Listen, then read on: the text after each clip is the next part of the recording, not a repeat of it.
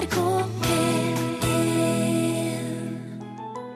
Bruce always had to tell a lie. He was always living that lie. Every day, he always had a secret from morning till night.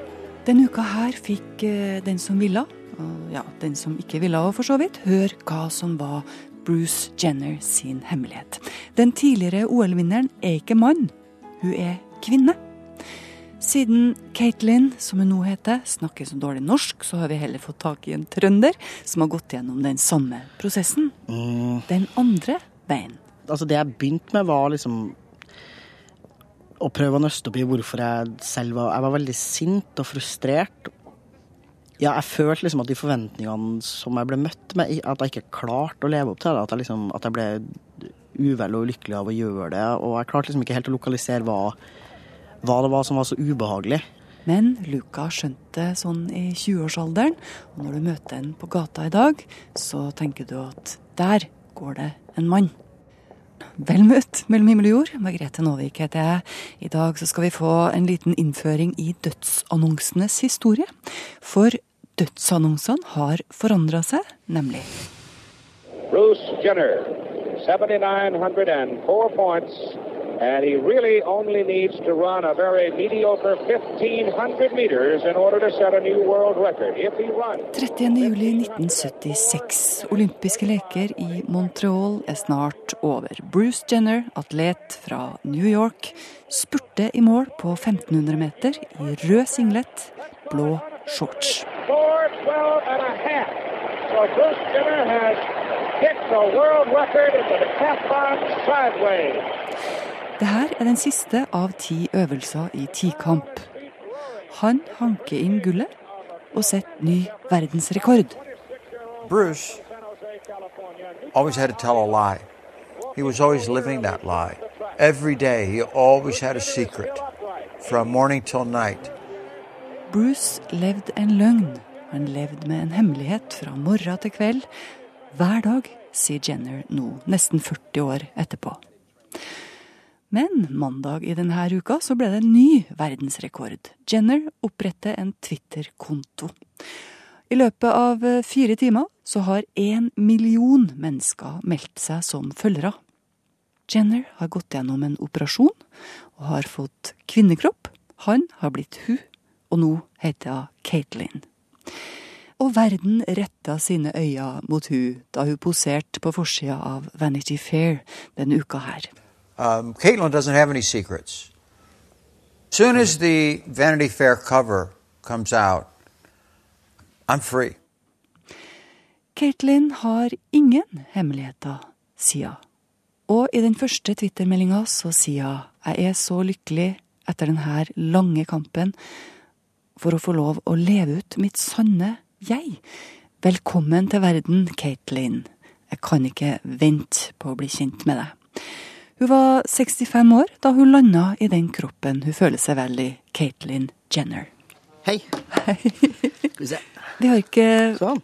Vi har ikke fått ordna noe avtale med Caitlyn, men eh, det har vi med Luca Espseth, som vi skal hilse på nå. Han levde som kvinne i 20 år, og nå er han 28. Og hvordan er det her, skal vi spørre Luca. Skjønner man sånn plutselig at man er mann?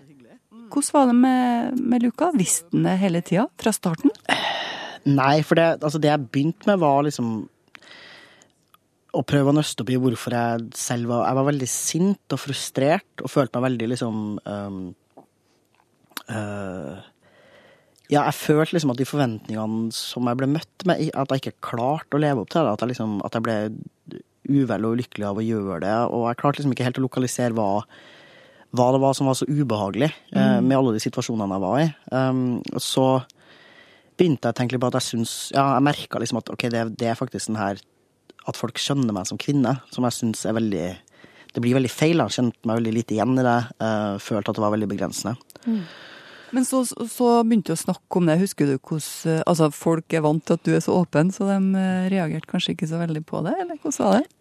Nei, altså, jeg snakka først med kjæresten min, tror jeg. Og begynte å si sånn Hei, du, jeg vet ikke helt om jeg er dame. Jeg tror, jeg tror kanskje at det ikke føles helt riktig for meg. Um, ja, hun hadde ikke noe problem med det. Altså, når vi ble sammen, så hadde hun et uh, problem med at hun likte jenter, jente, uh, og syntes Ja, opplevde seg selv som heterofil da, fram til hun traff meg, og jeg da framsto som en kvinne, og hun tenkte at hun likte damer.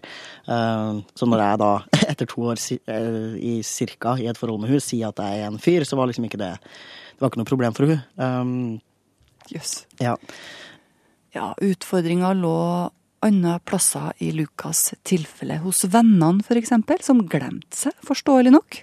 Altså, den smerten inni meg hver gang noen sa hun istedenfor han, eh, er helt ubeskrivelig. Så jeg tenker at hvis det er vanskelig, så kan man jo øve litt, da. Eh, øve seg litt på badet? Ja, rett og slett. Si sånn her, OK, der er Luka. Uh, han er en fyr. Han er broren til sin bror og sønnen til sin mor. Og liksom bare sånn repetere litt sånn familietitler og sånne ting, da. Bra tips. Ja. Mm. Men du har aldri sagt at du er født i feil kropp, har du det? Nei, det, for det er jeg ikke. um, det er en fordi jeg ikke tror på et sånn dualistisk forhold mellom kropp og sjel. Du tror ikke det er noe skille mellom nei. kropp og sjel? Nei. Um, jeg tror jeg er Jeg kom som en helhet, og her er jeg som en helhet. Um, jeg føler heller ikke at kroppen min på noe tidspunkt har vært feil, eller at den er feil. Altså det jeg blir liksom lei meg når folk sier det, fordi det er min kropp, og jeg er nødt til å leve med den hele livet. Uh, og ja, jeg har modifisert den, men den er, den er, fortsatt min, og jeg er glad i den. Og det er vanskelig når folk sier at den er feil.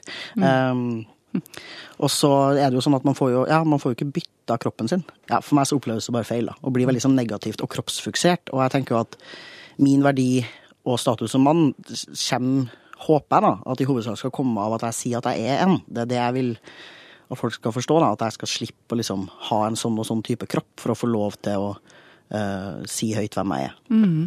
Du har jo tatt testosteron i noen år, så, mm. så, så, så, lurer jeg på, når du sier det du sier nå, hvordan hadde det vært hvis at uh, alle rundt deg bare hørte på det du sa, du sier at du er mann, og vi godtar det, og så blir du mann fra da, uten å bry oss om at du hadde pupper og livmor, og at du ikke hadde hår i ansiktet og sånn. Hadde du trengt å ta testosteron da?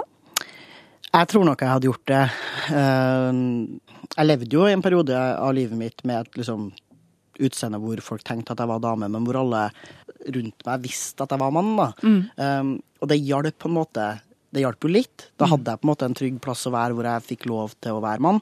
Mm. Uh, men det var veldig slitsomt, fordi på butikken så var det jo ingen som så det. Så da sier han jo sånn her Ja, nei, hun er foran meg i køa. Og det funka på en måte ikke for meg. Sånn nei, men altså hvis de på butikken hadde Altså hvis du har hatt en rød prikk på skuldra hvis du var mann, så, sånn at alle sammen bare godtok det. Hadde det da vært noe poeng å ta testosteron? Det blir et sånn derre sånn, Hvis samfunnet hadde vært helt annerledes, hadde samfunnet ja. vært helt annerledes? Ja. ja. det tenker jeg. Det der vet vi jo ikke, for samfunnet er sånn som det er. Ja, det, det, Men altså, nå er Luka mann. Det er det du tenker når du ser han. Du kan gå inn på Facebook-sida vår, NRK Livet. Der ligger det bilde av en. Men det at han ser ut som en mann, det betyr ikke at det ikke fins oppoverbakker i hans liv. Han har eh, ingen ønske om å operere bort livmora si og eggstokkene sine, og han har ikke noe tiss. Dermed så får han ikke lov å bli mann, sånn formelt. Og det blir litt krøll sånn rent praktisk også. Jeg var eksempel på Tøyenbadet i morges. Og da går jeg jo inn i herregarderoben der jeg hører hjemme, og så skal man jo liksom dusje, da. Og så er jeg dessverre nødt til å slenge meg på den her veldig dårlige trenden med folk som dusjer med badetøy. Eh, jeg er veldig for nakenhet og, og ordentlig hygiene, men jeg tror nok at jeg ville ha skapt en del uh, uheldige reaksjoner hvis jeg faktisk tok av meg badetøyet, da. Uh, men sånne hinder kommer jeg meg jo rundt. Altså, jeg får bada. Um, mm. ja. Skulle vært et ekstra, prøve, eller sånn ekstra garderoberom? Ja, det syns ja. jeg. Men, det, er, det, er, mange grunner til altså Det er jo både liksom kulturelle, religiøse og rent kroppslige grunner til at folk ikke er komfortable med eller kan være naken foran andre. Da. Og da tenker jeg at det har vært fint med en tilpasning til det, samtidig som jeg er veldig for at man skal promotere en kultur hvor man ikke er redd for å være naken sammen. Da. Det hadde jo vært det mest praktiske. For ja. det kan jo oppstå flere behov. F.eks. hvis vi sitter her med 26 kjønn. Ja. Til slutt så må, blir det veldig omfattende å bygge en svømmehall. Ja, men da tenker jeg at da må man klare å eh, lage garderobeinndeling på noe annet enn kjønn. Da. da må man si sånn her, OK, her kan alle dem som ser sånn ut gå, eller her kan alle dem som er komfortable Hårfarge. med Ja, ikke sant. Ja, men altså, det er jo litt sånn besnærende hvordan vi tar den her kjønnsinndelinga for så utrolig gitt. Og jeg tenker, ja, selvfølgelig skal ikke kvinner og menn være i samme garderobe. Altså, jeg er sånn, ja, det var en gang hvor i et land i verden, og diverse andre land i verden òg, for så vidt, hvor folk tenkte at det var helt selvfølgelig at hvite mennesker og ikke-hvite mennesker ikke skulle være i samme rom. Og det er noe med den tatt for gitt-testen som man kanskje burde i hvert fall tenke over på nytt. da. Sånn her, er det så opplagt uh, som man tenker, eller kunne det vært annerledes? Um, Caitlin doesn't have any secrets. Soon as the Vanity Fair cover comes out, I'm free.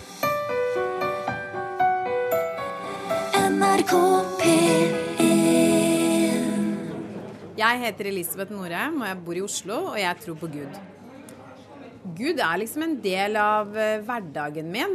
Jeg er ikke noe særlig god på å lese Bibelen og sånn. Jeg er mer glad i å liksom finne prekener fra amerikanske pastorer på YouTube. og så ber jeg mye. Jeg ber egentlig sånn Jeg ber mange ganger om dagen. Hva ber du om da? Nei, jeg ber veldig mye om praktisk hjelp. jeg ber om alt mulig. At jeg skal rekke ting. At eh, jeg ikke skal få trafikkbøter. At skal, ting skal gå bra med tenåringssønnen min. At um, ting skal ordne seg med penger. Det kan være alt mulig, egentlig. Og så kan det også være sånne mer sånn type ting at eh, eh, jeg ber også mye for andre folk som jeg vet liksom har det vanskelig. Et eller annet kanskje noen venner som sliter i ekteskapet, eller noen som er sjuk, eller ber henne kjøre bil og lage middag og Ja, det er mer litt sånn her samtale, egentlig, med Gud. Ja, føler du at du eh, får kontakt med Gud? Ja, jeg føler at jeg får svar. Folk som ikke er kristne, tror sikkert at jeg er gal. ikke sant? At jeg bare stemmer i hodet. Men eh, jeg syns jo ikke det er egentlig sånn Jeg tenker det er jo ikke så innmari viktig om at eh, om folk oppfatter det som at jeg får svar eller ikke får svar. All den tid det liksom gir meg trygghet og ro og fokus rundt de tingene som jeg syns er viktige. Eh, og så, ikke sant, Si at noen er sjuk, da, så er det jo så skriver jo ofte folk i sosiale medier at man skal liksom sende gode tanker eller tenke på de eller noe sånt. Og da gjør man jo det uansett. Om det er sånn at jeg putter liksom Gud inn i det regnestykket eller ikke, så um, er ikke det noe minus for de som jeg bryr meg om, da. Jeg, når jeg var yngre, så hadde jeg veldig sånn inntrykk av at Gud var veldig streng, og det handla veldig mye om alt som ikke var lov, og at han ble sint hvis man gjorde ting galt og sånn. For det var liksom det jeg ble oppdratt til. At liksom konseptet var at liksom Gud straffa deg. Men eh, det kom jeg meg jo heldigvis bort fra etter hvert som jeg ble voksen og kom meg inn i liksom andre type menigheter. Så i dag? Nei, nå tenker jeg egentlig mer at Gud er liksom kjærlighet, og at han ønsker eh, meg gode ting. Ønsker eh, gode ting for alle, egentlig. Um, så ja, det er egentlig essensen av det, da. Og at kristendom handler mest om uh, nestekjærlighet. Uh, og det er jo ikke noe poeng å liksom være kristen hvis du ikke bryr deg om andre enn deg sjøl. NRK P1. Hva leser du først når du får avisa på bordet? Jeg må medgi at hvis jeg må velge ei side, så ja, da ender jeg gjerne opp bakerst i avisa, altså. På dødsannonsene. Det kan se ut til at jo eldre man blir, jo viktigere blir de her annonsene, kanskje. Hvem er det som har gått bort? Hvor gammel er de? Og hva døde de av? Er det ikke litt sånn at vi lager små historier ut fra det vi leser i de her annonsene? Dødsannonser har blitt trykka i omtrent 100 år, men eh, det er mye som har forandra seg da, siden begynnelsen av forrige århundre. Reporter Maria Pettersen hun har tatt på seg regnjakken og tatt turen ut av huset. Og hun er på vei inn på et begravelsesbyrå i Trondheim for å nøste opp nettopp dødsannonsenes historie. Ja, og nå skal jeg møte daglig leder ved Svanholm begravelsesbyrå, Lars Erik Svanholm. Han kan fortelle litt om hvordan dødsannonser har utvikla seg gjennom tidene. Når dødsfallene skjedde på 1700-, 1800-, 1900-tallet, så flagga de på halv stang på gården. Alltid den dagen eh, han på gården døde, eller hun på gården døde. Eh, og da visste på en måte naboene med en gang at det var dødsfall, og så flagga de på halv stang. Og så ble det spredd utover i bygda, og i løpet av en døgn så visste alle sammen at Ola Olsen var død. Eh, og da var det en ganske lett kunngjøring. Og som regel så var begravelsen på faste dager i bygda, så de trengte egentlig ikke å ha noe mye dødsannonse. Folk bodde i og rundt gården. Men i dag nå så bor de jo spredt overalt, og folk har ikke flaggstenger lenger. Og Det betyr jo at kunngjøringa må ut på et vis. Og det har dødsannonsene tatt over mye av funksjonen da, til gamle flaggstenger rundt omkring på gårdene. Jeg møter han Lars i et stille rom med en grønn sofa plassert i ett hjørne, et lite bord og en TV-skjerm. I et annet hjørne ligger det barneleker. Det er her de pårørende ofte er når de skal bestemme seg for bl.a. hvordan kiste, gravstein og hva som skal stå i dødsannonsen til den kjære de nettopp har mista. Og han Lars vet mye om utviklinga til dødsannonsene, og når vi først tok de i bruk. Byene kom det mye før enn ute på landet, men rundt 1900-tallet så begynte det i hvert fall å bli mye mer vanlig. Først i forhold til rubrikkannonse, der det sto veldig kort og enkelt. Og så til å bli en kunngjøring, der det sto også kort, men litt mer forklarende. Og fram til i dag, der det er ja, ganske mye mer beskrevet at personen sovna stille inn eller døde brått, og på en måte der du sier litt mer om personen som har gått bort. Har selve innholdet i dødsannonsene endra seg noe den siste tida? Ja, innholdet i dødsannonsene har endra seg ganske radikalt. Fra bare for 10-20-30 år siden så var det nesten alltid et kors som symbol, for det symboliserte Den norske kirke. I dag så er det masse forskjellige symboler. Du har hjerter, du har fugler, du har kanskje noe som symboliserer personen. kanskje et bilde av avdøde. Og teksten den var veldig ofte kort og konsis og informativ for 10-20-30-40 år siden. Mens i dag så er den mer tilpassa en som har gått bort. Du kan ha et dikt, du kan ha et vers, du kan ha minneord, personlige. Sånn litt i forhold til at seremoniene har endra seg litt, så har også annonsene endra innhold. Min høyt elskende hustru, vår inderlig gode mor, svigermor og bestemor. Vår kjære godhjertede søster, svigerinne og tante, Kari Nordmann. Sovnet stille inn med sine nærmeste rundt seg etter kort tids sykdom bisettes i Bodø domkirke tirsdag 16.6 klokka 13.00. Alle som ønsker å ta farvel med Kari, er velkommen. Ja, I framtida når det gjelder dødsannonser, jeg tror nok alltid en dødsannonse må kunngjøres. Men jeg vil nok ikke tro at om 5-10-15 år at det kanskje er like tradisjonelt som i dag. For mesteparten av befolkninga er jo inne på sosiale medier og på elektroniske kanaler. Og der tror jeg vi kommer til å se en eksplosjon i løpet av de neste årene. For alle sammen som er på de forskjellige sosiale mediene i dag, de har jo stort sett sine venner, de har stort sett sin familie. Og dermed så vil de få kunngjort det raskt, effektivt og veldig personlig ut på de kanalene. Medieviter ved Universitetet i Agder, Kenneth Andresen, er ikke overraska over at vi i større grad minnes de som har gått bort på sosiale medier. Det fortalte han i et intervju til NRK tidligere i år. Han tror også at vi vil se mobilapper for dødsannonser om ikke så altfor lenge. Ja, altså Facebook eh, og andre sosiale medier, men særlig Facebook, brukes jo allerede nå til å minnes eh, de som er gått bort. Det er eh, minnegrupper, det er forskjellige måter å markere eh, noen som, er, som, du savner, og som er eh, døde. Eh, hvorvidt selve annonsene kommer på Facebook, det er vel usikkert. Men at det blir tjenester mer og mer over på sosiale medier, kanskje også Facebook, og etter hvert også på mobil, det tror jeg vi kommer til å se mer og mer av. Tilbake hos Svanholm begravelsesbyrå synes daglig leder Lars at det kan være positivt å bruke sosiale medier så lenge det brukes med måte. For Det betyr jo at flere av venner og familie får vite om at noen har gått bort. Og det betyr også at vi får litt større åpenhet rundt om døden. Altså, Den yngre garde i dag de leser ikke mye dødsannonser. Og da, de, da får de faktisk være med på den delen som kanskje de var med i gamle dager, på gården da bestemor døde. Eh, da hun lå inne på finstua i uke, og folk kunne gå inn og ut, og døden var helt naturlig. Jeg vil nok tro at hvis det kommer fram litt mer i sosiale medier, så tror jeg at døden kanskje blir litt mer naturlig, og kanskje folk tør å snakke litt mer om det. Men det er ikke bare i nettaviser og på sosiale medier man kan lese om de som har gått bort. Den siste tida har det også blitt veldig populært med minnesider på internett. Det har jo begynt å komme noen minnesider nå, og det er på en måte ut ifra dødsannonsene som blir laga og står på tradisjonelt vis. Da kommer de ofte ut eh, med litt mer informasjon enn det står i dødsannonsene. Kanskje hvor begravelsen skal være hen. Det er jo ikke alle som vet hvor kirkene ligger hen. Eh, I forhold til å gi minnegaver. Før i tida så ga folk minnegave med penger, men folk har jo ikke penger med seg i dag.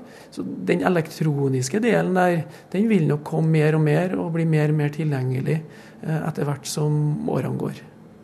Hva er fordelen med de her minnesidene? Det vi ser er fordelen, det er jo at, på en måte at du kan som venn eller som pårørende, så kan du være med å delta og vise ja, litt det samme som når du sier kondolerer. Det er jo mange som ikke tør å bruke det ordet lenger. Men da kan du gå inn på en minneside og du kan tenne et lys. Altså vise at du bryr deg om dem som har mista noen. Du kan skrive et minneord, du kan legge inn noen bilder, du kan legge inn video. Altså Du kan på en måte gjøre det enda mer personlig, da, så frem til at pårørende ønsker at du skal gjøre det. Vi ser at mange har behov for det, men vi ser òg at det er den yngre generasjonen som bruker det mest. Og de eldre syns det er fint, men de gjør det mest for informasjonen sin del. da. Mitt navn er Margrethe Novik, og e-postadressen hit er himmel og jord. Krøllalfa nrk.no. Du finner oss også på Facebook, da, på den sida som heter NRK Livet. La oss avslutte denne timen med noen rause, gode ord fra verdalingen Fatima. Sambygding med Hans Rotmo. Rotmo kom, som vi har hørt denne uka her, med uttalelser om at muslimer miljøforurenser kulturen. Ole Torp i Aktuelt på fjernsynet, han spør Fatima om hun har møtt Rotmo. Og her er svaret han får. Det har jeg dessverre ikke. Jeg skulle veldig gjerne ha gjort det. Gjerne drukket en kaffekopp med han. Det blir veldig hyggelig. Hva ville du sagt til ham? Nei, jeg Hva ville jeg sagt til han? Godt spørsmål. Jeg ville vel ha tatt den i handa, så visste han at jeg kanskje ikke er så skummel som han skal ha det til. Mm. Vi er jo to verdalinger begge to, og jeg tror vi har kunnet blitt ganske enige om ganske mye. Altså. Hør flere podkaster på nrk.no podkast.